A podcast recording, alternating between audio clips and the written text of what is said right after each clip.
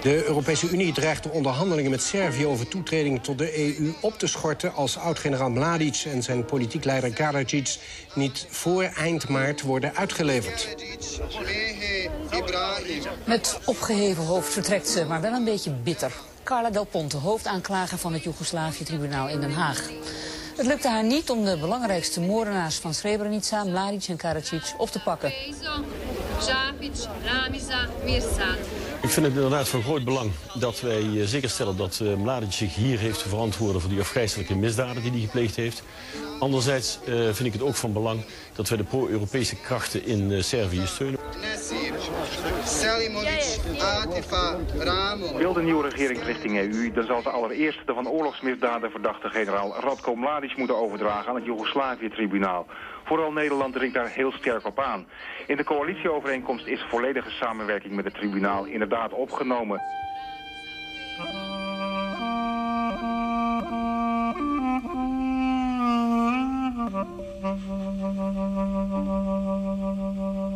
Servië heeft sinds gisteren een nieuwe pro-westerse regering. Zo hoorde u net Radio 1-correspondent David-Jan Godfroy melden. Pro-westers of niet, de vraag blijft of deze regering Mladic en Karadzic... de verantwoordelijke voor de massamoord in Srebrenica... ook daadwerkelijk zal uitleveren aan het Joegoslavië-tribunaal in Den Haag. Want ook vorige Servische regeringen hebben dat zo vaak beloofd. Maar ligt het wel alleen aan de Servische regering... dat 13 jaar na het drama van Srebrenica... de hoofdverdachten nog steeds op vrije voeten zijn? In Argos vandaag opnieuw de jacht op Mladic en Karadzic. Waarom bleef succes uit? Hebben de westerse mogendheden iets te verbergen?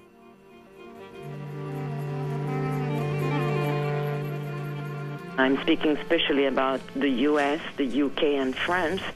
They have been not only missing few opportunities to arrest Karadzic and Mladic, but they had a coherent policy not to arrest them. They were opposed to their arrest. De Verenigde Staten, Groot-Brittannië en Frankrijk hebben niet alleen verschillende kansen gemist om Karadzic en Mladic te arresteren, maar het was zelfs hun beleid om hen niet op te pakken. Deze grote landen hebben zich verzet tegen hun arrestatie. Aan het woord is de Française Florence Artman tijdens een interview in ons programma in september vorig jaar. Dat was naar aanleiding van het boek Vrede en Straf dat ze kort daarvoor had gepubliceerd. Florence Artman wijt het feit dat de twee hoofdverdachten van de massamoord in Srebrenica nog steeds vrij rondlopen aan de houding van de drie grote westerse mogendheden. En Artman weet waarover ze spreekt. Ze maakte de jacht op Karadzic en Mladic van dichtbij mee. Artman was namelijk zes jaar lang woordvoerder en adviseur van de Zwitserse juriste Carla Del Ponte, die tot begin dit jaar hoofdaanklager was van het Joegoslavië-tribunaal. Now, more than ever, I expect Serbia to finally arrest and transfer Ratko Mladic and Radovan Karadzic to The Hague as soon as possible. Carla Del Ponte in maart 2006.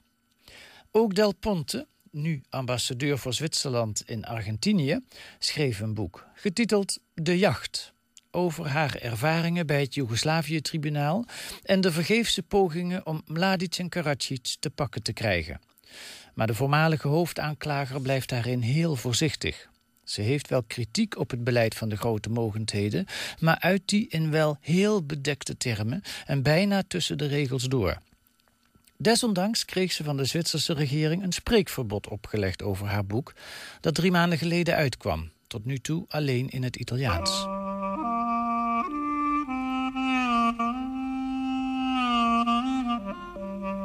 Florence Artman neemt in tegenstelling tot haar voormalige chefin geen blad voor de mond. Het was helemaal niet zo moeilijk om Karadzic en Mladic te vinden, zegt ze. There was uh, no uh, technical uh, difficulties to locate Karadzic and Mladic. Maar je moet het wel willen, aldus Artman. Er zijn zoveel kansen geweest om Mladic en Karadzic op te pakken... dat ze 70 bladzijden van haar boek nodig heeft om die te beschrijven. De bevindingen van Artman komen overeen met de naspeuringen... die Argos de afgelopen jaren deed naar de twee gezochte oorlogsmisdadigers. Daarom laten we daarvan vandaag opnieuw onderdelen horen. We volgen daarbij de zoektocht van onze Duitse collega Frans Jozef Hutsch... die sinds een aantal jaren vaste medewerker is van Argos. Eerst deed hij zijn naspeuringen alleen, later samen met twee Argos-redacteuren. We maken een reis in tijd en plaats en beginnen in Den Haag... bij het Joegoslavië-tribunaal.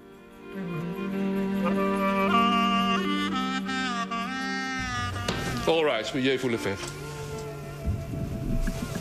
The International Criminal Tribunal for the former Yugoslavia is now in session. Lord Jans Tribunal, Penal Internationaal voor Lex Yugoslavie. Het te ver. Please be seated. Op 12 oktober 2004 verschijnt Frans Jozef Hoetsch voor het tribunaal. Hij wordt als getuige gehoord in het proces tegen Milosevic. Mr. Hodge. I'll try my best with the pronunciation. no problem at all. Hoetsch vertelt het tribunaal hoe hij ten tijde van de burgeroorlog in Bosnië als journalist naar Sarajevo werd gestuurd en van mei 1995 tot en met maart 1996 permanent in Bosnië verbleef. U hoort Hoetsch simultaan vertaald door Engelstalige tolken van het tribunaal. Ik heb begonnen. I started in May 1995 working as a journalist. And I came into contact for the first time with the war in Bosnia and I was sent to Sarajevo to work. De aanklager van het tribunaal ondervraagt Hoetsch over hoe hij in maart 1996 in het geheim Mladic ontmoette in een van de voorsteden van de Bosnische hoofdstad Sarajevo. Daar interviewde hij de voormalige legerleider over Srebrenica. Uh, Mr. Hoesch, um, is it correct that you interviewed General Mladic concerning Srebrenica? Dat is richtig. That is correct. Can you give the court the date of that interview? That was in March 1996 in Sarajevo. And uh, did you question him about what happened at Srebrenica? Ich habe ihm I asked him what had happened in Srebrenica, and the way he answered the question to me was that the East Bosnian enclaves had to fall in order to uh, enable a peace plan for Bosnia. Hoetsch vraagt Mladic naar de gebeurtenissen in Srebrenica... en krijgt als antwoord dat Srebrenica en de andere moslim-enclaves in Oost-Bosnië... wel moesten vallen om de vrede in Bosnië mogelijk te maken. Hoetsch ontmoeting met Mladic en de publicatie van het interview... vinden plaats in maart 1996. Dat is zo'n vier maanden na het einde van de burgeroorlog. Op dat moment is Mladic, samen met Karadzic... al aangeklaagd door het Joegoslavië-tribunaal. Want die aanklacht werd in juli 1995 uitgevaardigd. Mladic wordt in maart 1996 dus gezocht door de internationale vredesmacht... die in Bosnië is gestationeerd om de orde te handhaven. Terwijl die vredesmacht de gezochte oorlogsmisdadiger niet kan vinden... althans, dat is het formele verhaal... weet journalist Hoetsch hem wel op te sporen en te interviewen. Gewoon in een van de voorsteden van Sarajevo.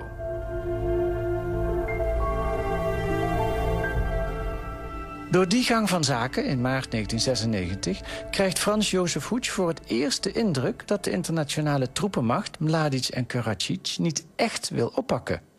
En om die reden blijft hij in de daaropvolgende jaren de ontwikkelingen nauwlettend volgen.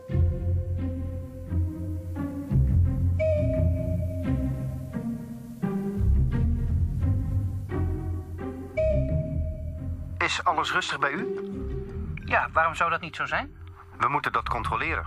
Want weet u, Foggia en omgeving zijn altijd erg interessant voor ons. Speciaal vandaag. Dit is de weergave van een onderschept telefoongesprek... tussen een Franse NAVO-officier van de SVOR Vredesmacht in Bosnië... en een hoge functionaris van de Bosnisch-Servische politie in Foggia... een stad in het oosten van Bosnië, dicht bij de grens met Montenegro. Dit gesprek vindt plaats om 6 uur 26 in de vroege ochtend... van donderdag 28 februari 2002. Om 6 uur 31, vijf minuten later dus, wordt er een volgend telefoongesprek onderschept. Nu tussen de Bosnisch-Servische politieman en het hoofd van de bodyguards van Radovan Karadzic. En de politieman roept over de telefoon... Jullie moeten wegwezen. Schiet op. Schiet op. Een uur later, om half acht, beginnen honderden militairen van de NAVO... met steun van helikopters en panzervoertuigen... aan een grootschalige operatie in het dorp Celebici, niet ver van Foggia. Het doel van de actie? Het oppakken van Radovan Karadzic. Maar de vogel is gevlogen. Dankzij de tip van de Franse kapitein. En dat onthult Frans Jozef Hoetsch vier dagen later in het Hamburger Abendblad. Hoetsch heeft het transcript van de telefoongesprekken gekregen van een bron bij een inlichtingendienst van een van de West-Europese landen die op dat moment aan SVOR deelneemt. Bovendien kreeg Hoetsch van een van Karacic's lijfwachten een bevestiging dat Karacic en de zijnen inderdaad zijn getipt en daardoor net op tijd hebben kunnen ontsnappen. 33 minuten voordat SVOR arriveerde, verlieten wij Celebici, vertelde de bodyguard aan Hoetsch over de ontsnapping op 28 februari 2002.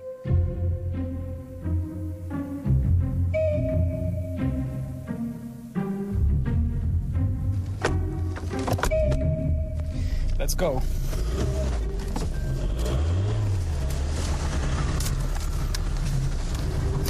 We gaan nou op weg naar de begraafplaats waar de moeder van uh, Radko Mladic begraven ligt. Uh, dat is in een dorpje hier vlak buiten Sarajevo. We hebben een verhaal te horen gekregen en dat uh, willen we op een aantal punten gaan checken. Voor in de auto zit mijn collega Frans. Naast onze chauffeur en naast mij achterin zit onze tolk. En beide heren die willen liever niet dat ze met naam genoemd worden. Want nou, wat we nou gaan doen, ze denken toch dat dat een beetje heikel is. Het is juni 2005.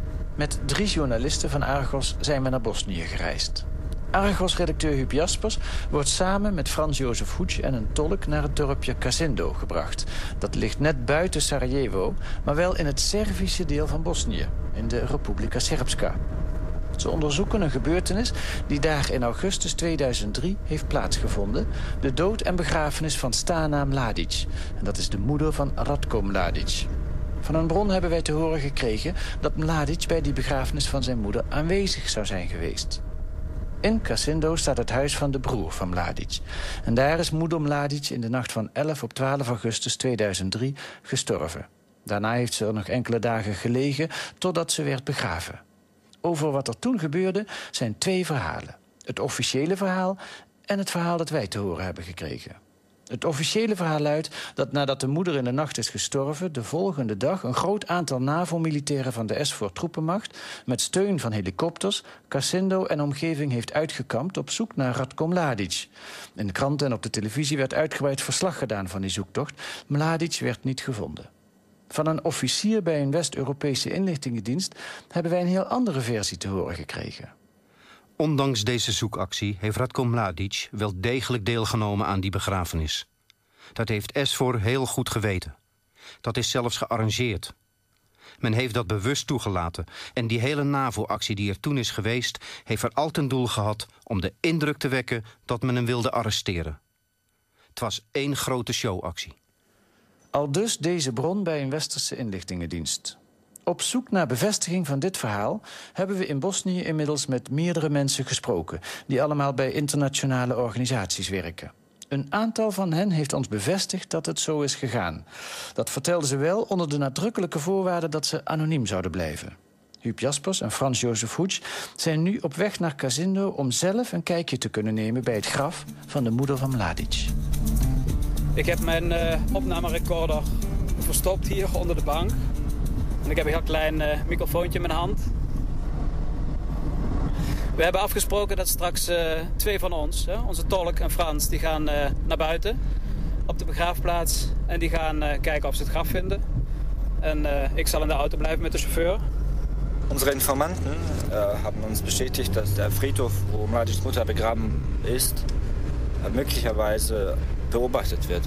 Ja, hij zegt uh, dat uh, onze informanten, dat klopt inderdaad, die hebben ons gewaarschuwd. Het zou best kunnen dat het kerkhof uh, in de gaten gehouden wordt. Er zijn ook verhalen dat Mladic nu zich in deze buurt bevindt, ergens. Dat hij zich hier verstopt. Hij heeft veel vrienden en familie hier. Hij heeft hier bijvoorbeeld een van zijn grote financiers, een meneer Mandic. Die heeft hier heel veel tankstations. We reden net hier langs een van die tankstations van hem.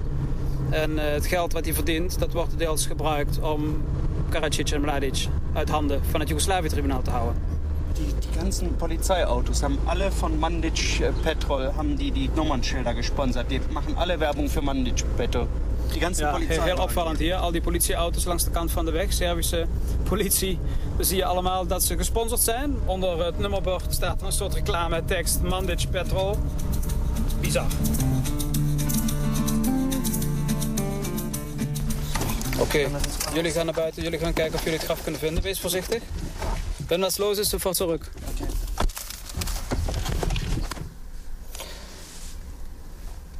De begraafplaats ligt op een soort plateau, omgeven door uh, bergen.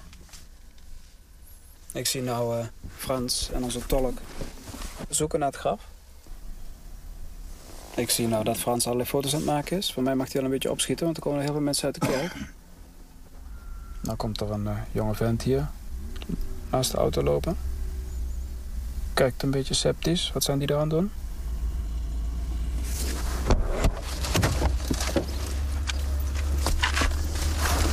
Hebben jullie het gevonden? Ja. Ist auch gleich das, das Grab von seiner Mutter, von seinem Vater. Dann kommt das, das Grab, äh, was offenbar für ihn freigehalten ist. Und dann kommt gleich das äh, Grab von seinem Bruder. Zijn moeder ligt daar begraven, ook zijn vader. Zijn broer ligt er ook begraven. En, en jij zegt het graf voor hemzelf is ook al klaar. Dat ja, ja, ist schon vorbereitet. Also, genau der zwischen Vater und dem jüngeren Bruder ähm, ist das Grab für ihn schon vorbereitet. Het graf voor Radko Mladic uh, is al klaar. En uh, nou ja, dat betekent hoe het verder met hem zal gaan, hoe het zal aflopen met hem, dat weten we natuurlijk niet. Zal die ooit in Den Haag worden bereikt? Nou, uh, komen we weer bij het uh, kamp van Eufor hier, Boetmier. Een paar minuten rijden eigenlijk van uh, dat dorpje waar we net geweest zijn. Onvoorstelbaar dat uh, Mladic hier op die begrafenis geweest is van zijn moeder. Enkele kilometers afstand van de duizenden militairen die hier zitten... en die als een van de taken hebben om hem op te pakken. De bronnen van wie wij de informatie over de aanwezigheid van Mladic... bij de begrafenis van zijn moeder hebben gekregen, zijn zeer betrouwbaar. Daarom gaan we op bezoek in het militaire kamp Boetmir bij Sarajevo... waar EUFOR is gelegerd. EUFOR heeft SFOR opgevolgd als internationale vredesmacht in Bosnië. We willen een reactie op dit opmerkelijke verhaal... van de commandant van EUFOR, de Britse generaal Leakey. My name is General Leakey. I consider it very much part of my mission to try and bring Mladic and Karadzic to justice in The Hague. Ik beschouw het als een belangrijk onderdeel van mijn taak om Mladic en Karadzic voor het Joegoslavië-tribunaal te brengen in Den Haag. Twee serieuze bronnen hebben ons verteld dat Mladic in augustus 2003 aanwezig was bij de begrafenis van zijn moeder. Hier, net buiten Sarajevo, in Cassindo. In 2003, I can't remember where I was, but I wasn't here. I have absolutely no information on that incident at all. Ik kan me even niet herinneren waar ik in 2003 was. In elk geval niet hier in Sarajevo. Ik heb geen enkele informatie over dit incident. Acht u het denkbaar dat Mladic zo dicht in de buurt van Boetmir kon komen... het hoofdkwartier van de internationale troepenmacht... dat hij twee of drie kilometer hier vandaan aanwezig was bij de begrafenis van zijn moeder... zonder dat die troepenmacht, toen nog SFOR, dat in de gaten had? I don't know how many police forces in Europe were looking for uh, Carlos, the terrorist, you may remember. Very distinctive, many sightings. Uh, and even Osama bin Laden, the entire international community looking for him. And uh, so I wouldn't rule anything out. Ik weet niet of u het zich nog herinnert... hoeveel politiemensen in Europa in der tijd op zoek waren naar de terrorist Carlos. Hetzelfde geldt voor Osama Bin Laden. De hele internationale gemeenschap is op zoek naar hem... en toch hebben we hem nog niet te pakken kunnen krijgen. Dit wetende zou ik niet willen uitsluiten.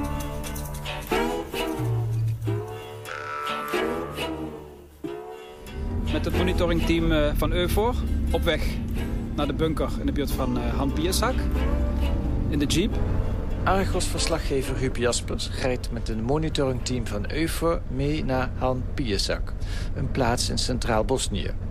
In de bossen buiten het plaatsje Han Piesak is verslaggever Huub Jaspers via een ongeplaveid hobbelig weggetje aangekomen bij het bunkercomplex. Het ligt verscholen in het binnenste van een berg. En de toegang tot het complex vormt een woonhuis dat tegen de berg aanstaat. Dit is uh, het huis dat er inderdaad uitziet als een soort uh, vakantieverblijf. We gaan nu uh, de garage in.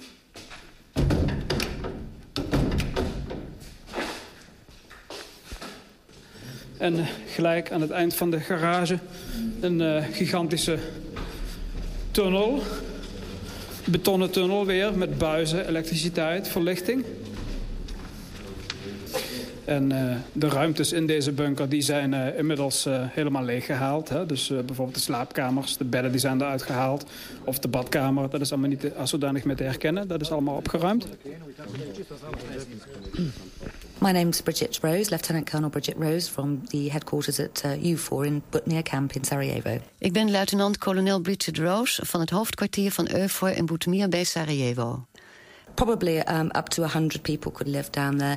And um, it looked like there was food supplies there for up to six months. Misschien wel 100 mensen konden in dat complex leven. Er waren levensmiddelen voorradig voor zo'n zes maanden. One of the workers that I spoke to um, had been there for 30 years maintaining that equipment. Een van de mensen waarmee ik sprak werkte al 30 jaar in die bunker. We did ask him whether he'd seen Mr. Mladic, but he uh, declined to answer that question. Wij vroegen hem of hij meneer Mladic had gezien, maar hij weigerde die vraag te beantwoorden. Is it correct that uh, NATO missed him only for 10 or 15 minutes? I understand that the information that they received um, did not enable them to get there in time, and I think it was a pretty close call. Bij de zoekactie in juni 2004 in deze bunker heeft de NAVO Mladic inderdaad maar net gemist.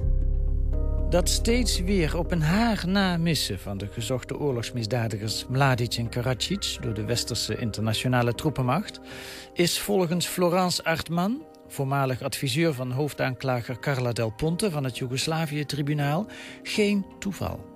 When you go through those events, you see clearly that um, the public statements and the public commitments from the Western countries, and I'm speaking especially about the US, the UK and France, were not uh, in accordance with their own actions.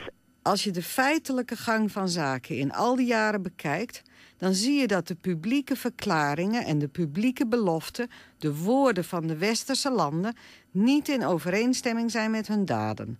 Ik spreek met name over de Verenigde Staten, Engeland en Frankrijk. Zou je kunnen zeggen dat ze het zelf saboteerden? We could use this word uh, because um, in many occasions when they could act, which means when you knew where Karadzic is in Bosnia, they wouldn't act. They wouldn't go to catch him. We kunnen inderdaad spreken van sabotage. Er zijn zoveel momenten geweest waarop deze landen wisten waar Karadzic was. Men wist waar hij was, men had kunnen optreden... maar men heeft simpelweg nagelaten hem te pakken. Het tribunaal is voor de arrestatie van Mladic en Karadzic afhankelijk van de grote NAVO-landen omdat het geen eigen politie heeft. Wat is volgens u de reden dat uh, de grote westerse mogendheden... de Verenigde Staten, Groot-Brittannië en Frankrijk... de arrestatie van Mladic en Karadzic eigenlijk willen voorkomen? Those countries want to prevent the arrest of Karadzic and Mladic because uh, they want to hide some decision they have been uh, taken earlier. Deze landen willen de arrestaties voorkomen omdat ze verborgen willen houden welke besluiten ze zelf in 1995 hebben genomen. In fact, um, the international community let the Serb side to take the territory they were asking.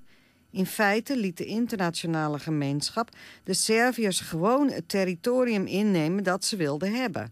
De grote mogendheden veronderstelden dat dit een vredesregeling dichterbij zou brengen om het conflict in Bosnië te beëindigen. Achtman is ervan overtuigd dat de grote westerse mogendheden bang zijn voor een proces tegen Mladic en Karadzic.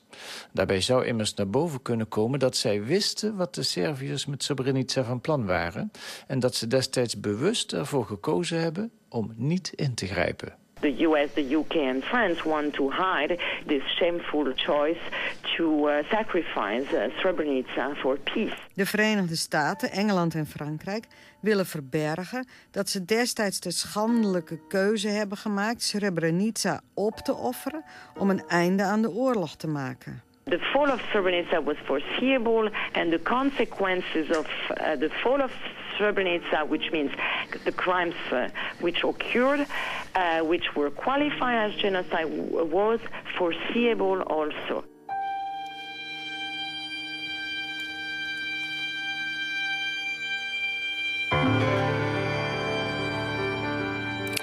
De val van Srebrenica was te voorzien. En ook de daaropvolgende massamoord die door het tribunaal als genocide is aangemerkt. Al dus Florence Achtman, zes jaar lang woordvoerder en naast adviseur... van de voormalige hoofdaanklager van het Joegoslavië-tribunaal, Carla Del Ponte. De opvolger van Del Ponte bij het tribunaal, de Belgische jurist Serge Brammerts... hebben we ook om commentaar gevraagd op het uitblijven van de arrestatie van Mladic en Karadzic. Maar zijn woordvoerder liet weten dat Brammerts geen interviews geeft. En minister Verhagen van Buitenlandse Zaken was niet beschikbaar voor commentaar... vanwege verblijf in het buitenland. De kwestie over de voorkennis die de westerse mogendheden hadden... over de aanval op Srebrenica en het verband met de mislukte jacht... op de twee hoofdverdachten van de massamoord... kwamen eerder al uitgebreid aan de orde in verschillende Argos-uitzendingen. En wilt u dat naluisteren? Kijk dan in het dossier Srebrenica... van de onderzoeksjournalistieke website van de publieke omroep... www.onjo.nl. En voor reacties en terugluisteren kunt u ook terecht op www.vpro.nl Argos. Argos werd deze week gemaakt door Huub Jaspers, Frans-Jozef Hoets en Gerard Legebeke... met medewerking van Yvonne Scholten.